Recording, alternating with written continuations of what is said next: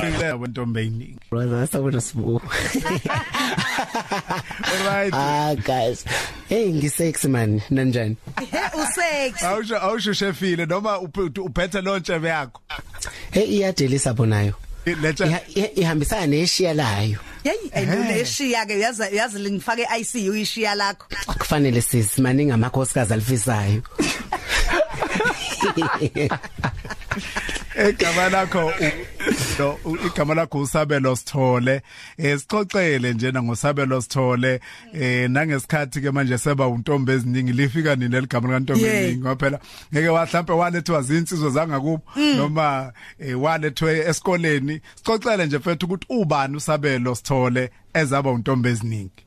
Um usabelo sithole eh ngathini em- emnambethi kwazulu shini lasemnamthikini ngam um anabaseza egula babu in pro- and dida ekhala phinduye khula kwami you know baye bathi ngani ikhuliswa umphakathi bekuyiqiniso ngempela ngoba baningi abantu abesifazane abadlale indima enkulu empilweni yami kungikhuliseni and kwa- kwa- kwangenza ukuthi you know ngikwazi ukuadapta with u- ukudila nabantu abas- a- a- a- asebekhulile besifazane yintsha wontanga yethu kanjalo kanjalo.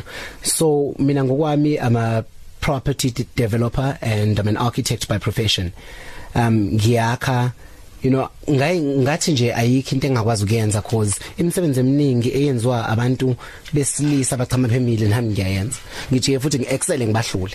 So yeah. Um kuze kufike elikantombi eyiningi i think you know into e- e- engihlaba umxhwele kakhulu ukuthi um you know siyisizwe esi ignorant entweni eziningi siyayifihla izinto especially kubantu besifazane you know umuntu wesifazane basuke beqinisile ngempela ukuthi ufa azi futhi umele ummese ubamba ngala ubukhali ngakhona. So you know ekudlaleni kwami ngenza a video ngidriver ngithi you know let me just ngithinte lezinto ezithinta abantu besifazane kodwa bangafuni ukuthi kusondelwe kuzona. Nga record video yokuqala ngisemotweni nje ngikhuluma ngokuthi hey um intombazane um ama abantu besilisa ukuthi ukuthi and ngingazi ukuthi izo trenda this far. So um you know ngibuyele kuleli phuzu leli lokuthi you know um abantu besifazane banemfihlo futhi ba sensitive babuthaka. So nga nga- ngacabanga ukuthi you know mina ukuthatha lezi you know inkinga ababhekene nazo um zethu nje sonke esi- singabantu besifazane nathi thina amakhosikazi isikhathi sokugcina sokugcina njengoba besibiza kanjalo. So ngase ngithi you know ange ngithathe izinto ngizenze sahlaya but at the same time you know ubaphilisa abantu. And you know i turn out yakhona sibona umroza ibimangaza. Because in 2 days ama views were going to 230,000 views in 2 days which bekumangaza kakhulu ukuthi and ngiyibuze kwamina ukuthi yinto bachaza kanje?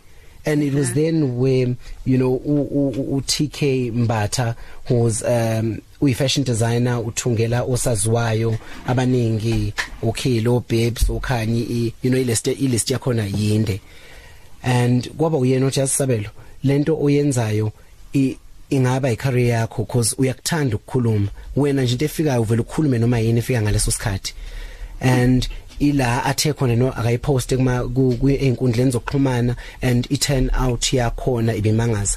And la ethuse khona kakhulu ukuthi size sathola ngisho ama response abuya ngaphesheya kwelwandle komelika and ila abantu abafana noNosipho abakwazi ukuthi ba manage my um Instagram pages and the Twitter handles as well. So kumangaze kakhulu and nothando engilithole kubantu and ila kuze kwafika khona igama igama likaNtombi eyiningi you know um mina ngiyahlala kakhulu nabantu besifazane because i see myself ulikanjwa ubane we we we angazi noma ngithi into intombi eyiningi ulikanjwa uba igama lakho. Yazi ungahleka besihleli besihleli endlini um u cousin sister wami uthulisile makhanya wathi um so sabelo ngeba wonke umuntu ufuna ukwazi siyabuzwa kuma pages ethu ukuthi kahlahle ubani lo muntu lo ngoba angizishi igama kuma videos zami ila athe khona u TK Mbatha ose manager yami manje wathi um ay sokubiza ngobani ngo N ngathi ngibheka hlangiso N nginazo ikhome ebuvu okay okay. Umzala wami yazi wangetha wathi untombi eyiningi and ngabuza ukuthi hayibo indaba ngivela ngalivuma nje? Ngathi mina hayibo kanjani? Untombi eyiningi wathi wesabelo unabantu abaningi kuwena ngesikhathi esisodwa. And wathi mangabe eselihlaziya engichazela you know la yenza sense ukuthi you know whether be unkosikazi oshadile omdala akanqeni kungibiza ngihlalise phansi athi sabeli nanku umendo wami nanku umshado wami kanje. And futhi ngiluleke umuntu omdala ngempela kakhulu you know. Ethi agcineni mayisezama lezi yalo abuya ngitshela tsabelo umncane impela ngiyakuzala kodwa you know ngithe mangithatha imbono yakho neadvice yakho kungisebenzele. Kube yintsha futhi ngiyakwazi ukukhuluma nontanga yethu ngiyakwazi ukukhuluma nentsha. We ngiluleke especially kakhulu abantu besifazane. Ngoba iyona nzala abantu lena. And abanye kuthem noma eqala lama video eba viral like eqala e trend kuma einkundleni zokuxhumana abanye babona ngathi ngizohlasela abantu besifazane kanti cha ngiyayazisa inzala abantu ngiyayithanda ngoba ngikhona nami ngizalwa yintombi uma sithole. So Mm. kushadekile inoma engagejiwe noma kukanjani ngoba ngibona iring lapho. Yay yay futhi. Um angiyeke nje kanjalo leyo.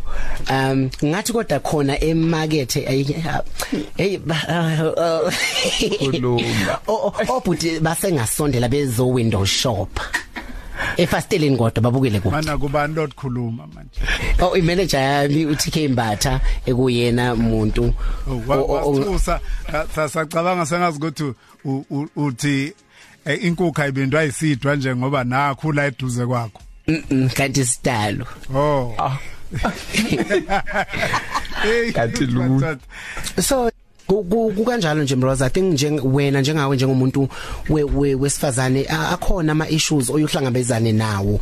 And ubone ukuthi yazi lento ngiphethe kabi.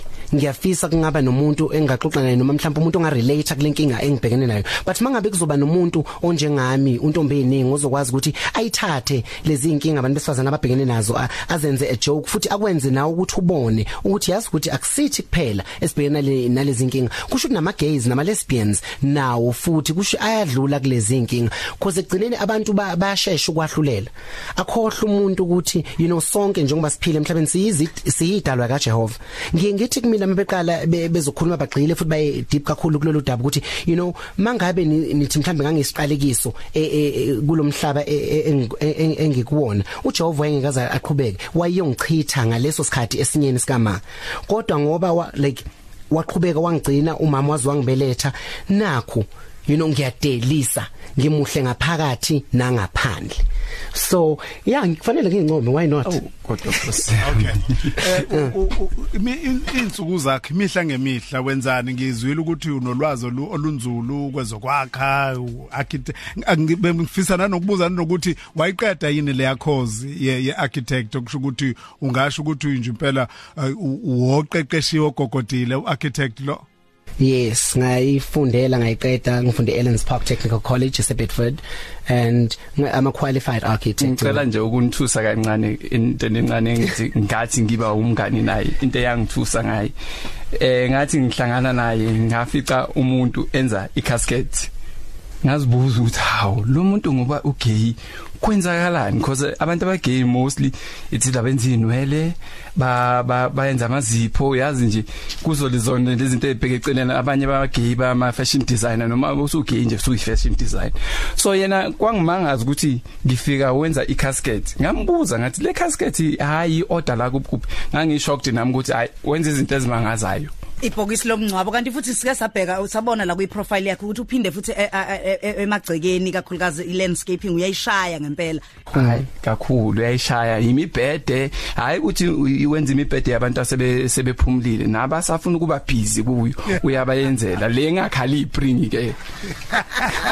Athatha balale 089 3109993 buzeleni ngani zake khuluma nixoxani nangu ntombe eyiningi sekubingelela. Sibingelela ukhozi. Hello? Yeah. Yebo sibu. Yes bura. Yafowethu. Ya umoya bekhulu okhuluma impangane ngewa. But hey uyangimangaza lo mjita lo way. Into ayikhuluma mfethu amaqiniso nje hey. Usukwaba nenhlahla ukubuka lama video akhe. Yebo ngiyawabuka la ku Instagram ngiyawabuka impela hey. Ngibuka impela ngithi ukuthi abantu abathi bathi ukukhulu. Ngithatha ikhuluma iqiniso mfethu. Hayi siyabonga. Siyabonga ngani yakwena sathu munye. Sharp word. Okay intombi intombi eyiningi uyathanda yini ukubizwa ngumjidi? Um yeah ngisho njalo because egcineni Rosa angese nje into esadalwa siyona ngichama ngimile but then ukhumbula ukuthi um, Mroza yazi ukuthi yabo nje manje ukuthi a- angazi uma ngibona ni but then esifubeni sami ngipaqaye kakhulu ukuthi ngingaba umuntu wesifazane.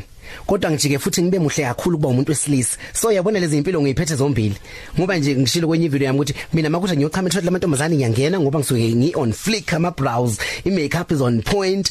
Bese makuthi ngiyochama ebafanele ngifuna lento engiyifuna ngishona khona yakho uzongivimba Ayika ine privilege lensizwa kulungile kathatha omunye ukukhozi Khosi ngibingelele Shaka kunjani? khona mfowethu Ake ngibuze lapha kuntombi eyiningi usematuba manje la idubele enkulu ula sidubelo. buza mfowethu kulalela ntombe eyiningi Ngiyamuzwa lapha na kule clip yakhe lapha ukuthi u- u- uyamthinta thinta uyena qobo lwakhe bese eh yani kuvutho ndaba. Ngizolalela emsakazweni. okay lungile athathe omunye sibone ukuthi omunye uzobuza uthini ukukhozi nange balekela intombi eyiningi ukukhozi Yebo weshe njani? hayi siyaphila mfowethu sikhuluma nobani? Eh ukhuluma nontatha kuza ngakwabuweli la kwasemsuku. kulungile mfowethu mbuza nangu nangu intombi eyiningi untombi eningi umuzwa mayethi uyangena etoilet le- la la labesilisa uyangena kwabesimame kwenzeka kanjani? Ungena Um, indlela enjalo A- angithi uchazile angithi uchazile u- u- u- ngokwesimo sakhe kodwa ke nangu ulungile uzokuphendula uthi kuphendule sibo um but like um ngathini U- u- ukuba yilento engiyiyona kusinto engavuka ekseni mhlawumbe ngayicabanga ukuthi hayi ngizoba nje. Ukuba gay kwakho ku- kunama gays ahlukene.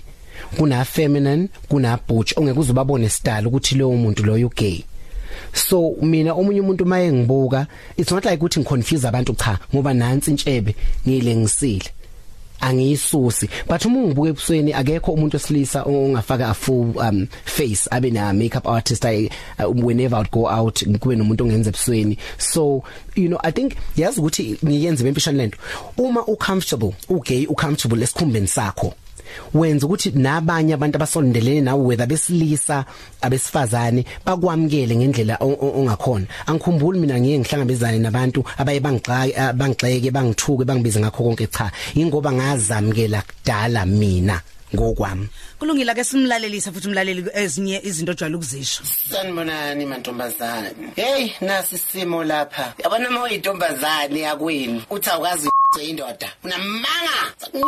Indoda awuphinde uyinyisita wethu obuza la kimi. Hayi angiphathi siswabhejele kodwa kushiye nayo takwethu uyinika imoto yakho ihambi yolayisha abanye indoda ke leyo. Hayi takwethu ha eziyabuya ziyabuya. Kuma relationship mina ngibona ngathi ngizokhipha isimemo nginimeme siyoba nesiguqo samantombazane. Siphathe nje amakhandlela amnyama sithandazise lento hayi ama relationship mina mina ngazi kwalephi hayibo futhi igeli ngangitshela ukuthi alikaze libhejele indoda. You are lying sister. Unamanga awuta ukuthi siyawathenga man. Ikusheka njalo uyithenga ah siziswashade sizilobole indoda ke leyo. Ah girls ah takwethu ikushiya indoda uzomabele juluka bamanzi la. Hayi okwasisi ukuthi kunyile hey aphela usise emzimbeni takwethu bambuza abangani chayibo sisuqedwa yini? Ha athi Jim unamanga Jim ah istress sendoda mana imphethe imphethe takwethu indoda. Iyamunya